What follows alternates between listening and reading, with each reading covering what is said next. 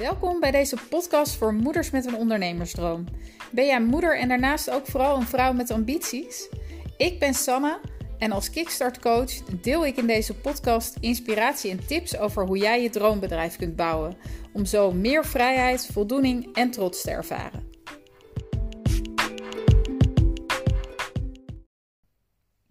Ja, tof dat je weer luistert naar mijn podcast.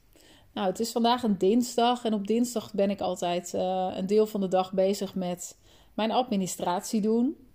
En um, nou, nu is het ook nog eens een beetje het einde van het kwartaal. Dus dat betekent dat de BTW-aangifte er weer aankomt. Dus ook daar uh, ben ik nog weer even mee bezig geweest. Ik heb wel een accountant, maar ik moet toch ook altijd natuurlijk zelf zorgen dat uh, alle facturen zijn ingevoerd en de banktransacties zijn gekoppeld en dat soort dingen. Dus daar gaat altijd even wat tijd in zitten. En uh, nou, dat is niet per se mijn hobby. Maar uh, ik vind het wel belangrijk om daar grip op te houden. En om precies te weten wat er per maand binnenkomt. En ik maak bijvoorbeeld ook gebruik van Profit First. Zodat ik um, um, precies uh, ja, zeg maar in potjes kan indelen. Uh, ja, zodat ik eigenlijk al mijn inkomsten in potjes verdeel. Zodat ik precies weet waar ik wat aan kan uitgeven. Nou, als je daar meer over wil weten, dan moet je daar maar eens op googelen. Profit First. Um, maar goed, waar ik naartoe wilde is dat, uh, dat het feit dat ik met mijn administratie bezig was, me inspireerde om um, de vraag te beantwoorden: hoe bepaal ik nou mijn prijzen? En dat is nog eens een extra interessante vraag, omdat ik zelf ook heb gemerkt dat toen ik moeder werd, mijn behoeftes veranderden. Nou, daar heb je ongetwijfeld al vaker dingen voor, van mij uh, over voorbij zien komen. Bijvoorbeeld ook op social media, op Instagram. Um, als je moeder wordt, dan, dan veranderen je behoeftes. En um, nou, een van de behoeftes die bij mij in ieder geval is veranderd, is dat ik minder uren in de week wilde gaan werken. En dat ik flexibeler wilde zijn, bijvoorbeeld. Um, maar daar hing ook aan vast dat ik eigenlijk niet heel erg op inkomsten wilde gaan inleveren. Dus ik wilde eigenlijk ja, hetzelfde blijven verdienen, maar wel minder uren in de week werken. En ik werkte hiervoor natuurlijk veel op, uh, op freelance basis, dus gewoon uurtje factuurtje. En ja, nu heb ik een traject staan met gewoon een aanbod en een ja, vaste prijs die eraan gekoppeld is. En met alle ondernemers die in mijn traject meedoen, uh, ga ik natuurlijk ook kijken naar hun aanbod en de prijzen die eraan gekoppeld worden. En um, ja, ik vond het wel interessant om in deze podcast eens te beantwoorden hoe ik dan jou ga helpen om de juiste prijs voor je product te bepalen. Uh, misschien zal jouw eerste idee zijn van nou, ik ga gewoon eens kijken wat concurrenten vragen voor, hun, uh, voor een vergelijkbare dienst. Um, en misschien denk je dan wel, nou dan moet ik daar dus net iets onder gaan zitten. Want ja, dan, uh, dan ben ik aantrekkelijk voor, voor klanten die zowel bij mij als mijn concurrent kijken. Maar dat is natuurlijk maar één van de strategieën, één van de concurrentiestrategieën die je kunt gebruiken. Zelf ben ik er een veel groter voorstander van om te zeggen: uh, ik vraag dan wel een hoger bedrag misschien dan een concurrent, maar ik bied ook meer waarde. En dat is voor jou natuurlijk ook interessant om te kijken hoe kan ik nou meer waarde aan mijn product toevoegen zonder dat ik daar heel veel extra tijd in hoef te steken. Zodat ik met minder werken nog steeds hetzelfde bedrag zou kunnen verdienen. Dat is natuurlijk wat je wil. Want op die manier uh, ben je uiteindelijk minder uren aan het werk, maar blijf je wel hetzelfde verdienen. Nou ja, een eerste stap om eens te bepalen wat jouw prijzen zouden moeten zijn, is om te bekijken wat jouw eigen behoeftes zijn. Wat zou jij per maand willen verdienen? Wat zou jouw winst per maand moeten zijn? En ja, dat kun je heel simpel doen door eens een lijstje te maken met alle uitgaven die je per maand hebt, je vaste lasten, je variabele lasten. Maar neem daarin dan ook uh, je dromen mee. Misschien wil jij, uh, ga je nu uh, één keer per jaar op vakantie, maar zou je liever drie keer per jaar op vakantie willen? Of misschien uh, zou je wel ieder jaar een maand lang een verre reis willen maken. Of misschien wil je wel een vakantiehuisje op de Veluwe. Nou ja, zo kun je, of misschien wil je wel uh, sparen voor je kinderen, zodat ze later kunnen studeren. Nou, dat zijn allemaal dingen die je eigenlijk zou moeten meenemen in dat maandbedrag wat je voor jezelf nodig hebt. En je zou daarin zelfs nog een onderscheid kunnen maken tussen uh, wat je minimaal per maand zou moeten binnenkrijgen en wat je ja, in het meest droomscenario per maand zou willen binnenhalen. Nou, dat maandbedrag, dat doe je vervolgens keer 12. Dan weet je dus wat je per jaar zou willen uh, verdienen. Uh, en dat is dus dan je, je, ja, dat zou dan dus je winst moeten zijn, niet je omzet. Dus uh, op dat bedrag, op dat jaarbedrag, komt dan sowieso natuurlijk nog BTW. En je moet over dat bedrag inkomstenbelasting betalen. Dus je zou daar een percentage op los kunnen laten. Ja, ik zeg, ik hou zelf ongeveer. Uh, ik, ik zet eigenlijk zelf altijd die, 9, of die 21% BTW gewoon apart. Dus je zou het jaarbedrag waar je op uitkomt, daar zou je 21% BTW op kunnen doen. Um, en voor inkomstenbelasting hou ik meestal ook zo'n 20, 25 procent uh, in gedachten. Dus dat komt er dan ook nog bovenop. Uit, uiteraard is inkomstenbelasting ook helemaal afhankelijk van hoeveel je investeert, hoeveel kosten je maakt. Maar goed, even een grove schatting. En vervolgens, uh, dan heb je dus je jaarbedrag. Dan ga je dus bedenken hoeveel weken per jaar jij vakantie zou willen. Misschien wil jij wel twee maanden per jaar vrij zijn, acht weken per jaar vakantie. Dan betekent het dat je niet uitgaat van 52 weken werken, maar van 44 weken werken. Dus dan ga jij het jaarbedrag ga je delen door 44. Nou, dan weet je wat je per week zou willen verdienen. En vervolgens bedenk je natuurlijk hoeveel dagen in de week je dan zou willen werken. En daarbij is het nog belangrijk om er rekening mee te houden dat niet alle uren die jij werkt declarabel zijn. Als jij je, uh, je administratie aan het doen bent, of je bent uh, marketing aan het doen, of je bent uh, salesgesprekken aan het voeren, of je bent je social media aan het doen, dan zijn dat allemaal uren die je wel in je bedrijf steekt en die wel nodig zijn, maar die niet declarabel zijn. En nou, er zijn verschillende business coaches die zeggen dat uh, die verhouding ongeveer 50-50 zou moeten zijn. Ik vind dat zelf wel heel veel. Uh, maar ik moet eerlijk zeggen dat ik ook nog nooit heb geklokt hoeveel uren er nou precies in alles gaan zitten. Um, zeker bij de opstart van je bedrijf uh, gaat er wel heel veel tijd in zitten. Misschien dat als het eenmaal draait, dat, de, dat die verhouding net even iets anders wordt. Maar laten we zeggen 50-50. Dus stel jij wil vier dagen in de week werken, dan blijven er twee dagen over waarin je met klant kunt werken en declarabel kunt zijn. Nou, vervolgens uh, ga je kijken hoeveel klanten zou ik per week willen bedienen. En dan kun je dus het bedrag wat je per week wilt verdienen, kun je delen door je aantal klanten. En dan weet je wat je per klant ja, zou moeten verdienen. Wat je, wat je prijs per klant zou moeten zijn. En dit, dit is natuurlijk een berekening die alleen geldt als je een, een dienst uh, verleent.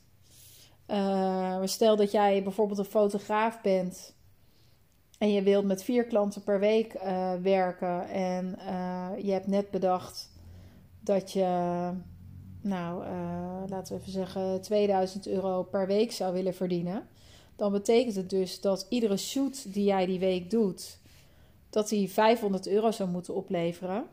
En als jij uh, per shoot drie uur nodig hebt en je wilt uh, maximaal vier dagen per week werken, dan blijven er dus twee dagen declarabel over. Heb je dus vier dagdelen dat je zou kunnen werken. Nou, dan betekent het dus dat je 500 euro per klant voor jouw fotoshoot zou moeten vragen. Nou, misschien schrik je daarvan, want dan denk je, ja jeetje, ik heb op de website van mijn concurrent gekeken en die vraagt maar 350 euro. Dan is het dus interessant om te kijken, wat kan ik aan mijn product toevoegen waardoor de waarde van mijn product hoger wordt dan die van mijn concurrent. Snap je? Dus je gaat kijken naar welke dingen je kunt toevoegen aan jouw product, waardoor jouw klant bereid zou zijn om jou meer te betalen dan uh, andere aanbieders in jouw branche die hetzelfde product leveren. En ja, dat kunnen dingen zijn als dat jij bijvoorbeeld een um, moodboard van tevoren naar je klant stuurt. Als we even in de zin van de, in, in het uh, voorbeeld van de fotograaf blijven. Dat jij van tevoren een moodboard stuurt naar je klanten. Uh, met hoe, hoe jij de shoot voor je ziet. Daar gaat natuurlijk ook tijd in zitten. Hè? Dus dat moet je dan wel incalculeren in, uh, in de tijd die je per klant besteedt. Uh, maar het kan ook zijn dat jij een template document maakt met een soort checklist. met allerlei um, ja, acties die je klant zou kunnen doen om de fotoshoot nog beter tot zijn recht te laten komen. Of misschien heb jij wel een uh, aantal kledingsets in je studio hangen die je, die je klant kan gebruiken. Of weet je, zo kun je dus bedenken van welke ideeën zou ik, of welke, ja, welke uh, diensten zou ik aan mijn product kunnen toevoegen, waardoor mijn product meer waard wordt. Zonder dat het jou per se heel veel extra tijd kost. En dat zit hem vooral natuurlijk ook in dingen slim, uh, misschien een beetje standaardiseren. Dus als jij vaste templates hebt die je voor iedere klant kunt gebruiken, waar je maar één keer tijd in hoeft te steken om die te maken, dan kan dat natuurlijk heel interessant zijn. Daar hoef je maar één keer in te investeren en voor iedere klant is het waardevol.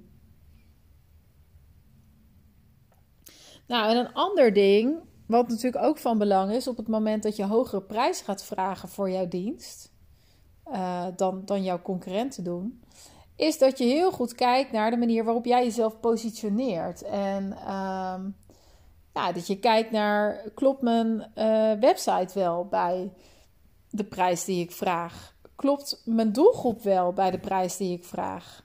Is mijn doelgroep wel bereid om die prijs te betalen? Of moet ik mijn doelgroep misschien net een beetje tweaken, waardoor het beter past?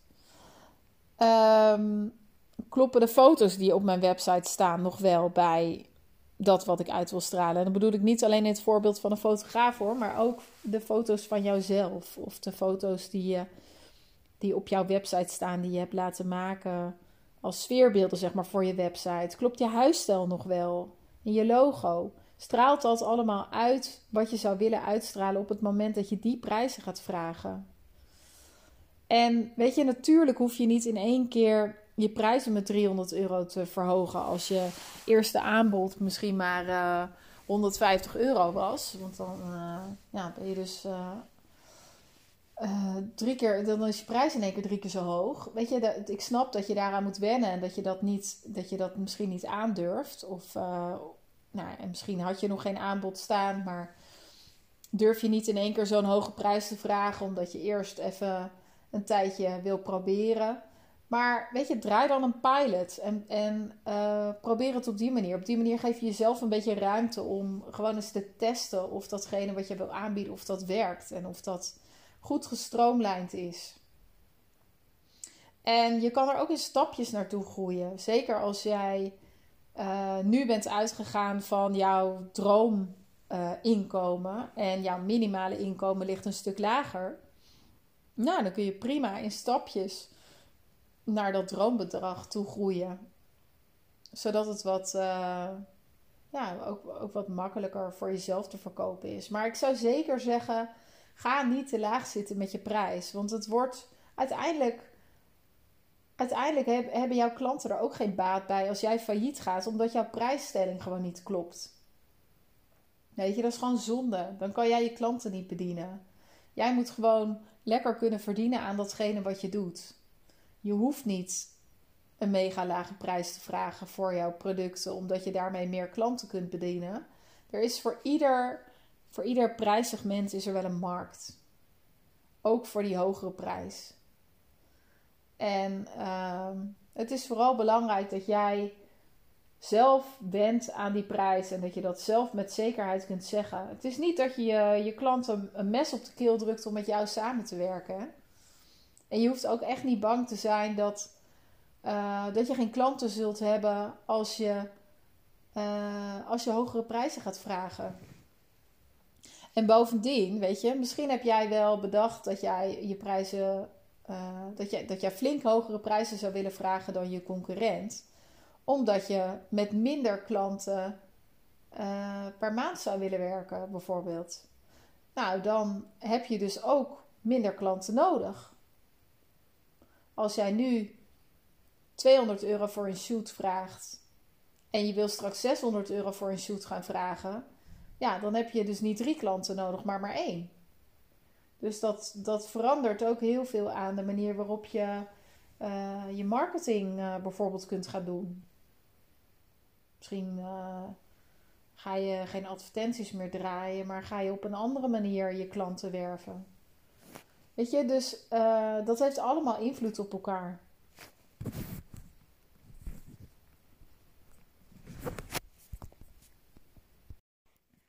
Nou goed, het belangrijkste eigenlijk wat ik in deze podcast aan je wil meegeven, is dat het belangrijk is om vooral ook vanuit jezelf te kijken naar je prijzen. Wat heb jij per maand nodig om fijn te kunnen leven? Welke prijzen zorgen ervoor dat jij met heel veel plezier je werk doet en je klanten helpt? Met welke prijzen kun jij je klanten het allerbeste bieden? En laat je niet te veel leiden door uh, concurrenten. Uh, want er zijn zoveel andere concurrentiestrategieën dan een prijsstrategie. Dus ik hoop dat dit, uh, dat dit je inspireert en ehm, ja, dat het je aanspoort om nog eens kritisch te kijken naar welk, welke prijzen jij aan je aanbod zou willen hangen. Denk je nou, jeetje, wat is dit ingewikkeld en uh, ik heb hier hulp bij nodig, dan uh, nou, mag je altijd contact met me zoeken. Uh, bijvoorbeeld via Instagram, sanne-kickstarter. En dan kun je me een DM sturen en dan kijk ik even met je mee of ik je kan helpen. Um, nou, en als je deze podcast interessant vond, deel hem dan vooral met anderen. Dat vind ik altijd super leuk. En uh, stuur mij ook even een berichtje om te laten weten wat je ervan vindt of wat je eruit hebt gehaald. En vergeet je ook niet te abonneren of om me te volgen, zodat je automatisch berichtjes ontvangt als er weer een nieuwe podcast live staat. Ik wens je nog een hele fijne dag en tot de volgende podcast. Doeg!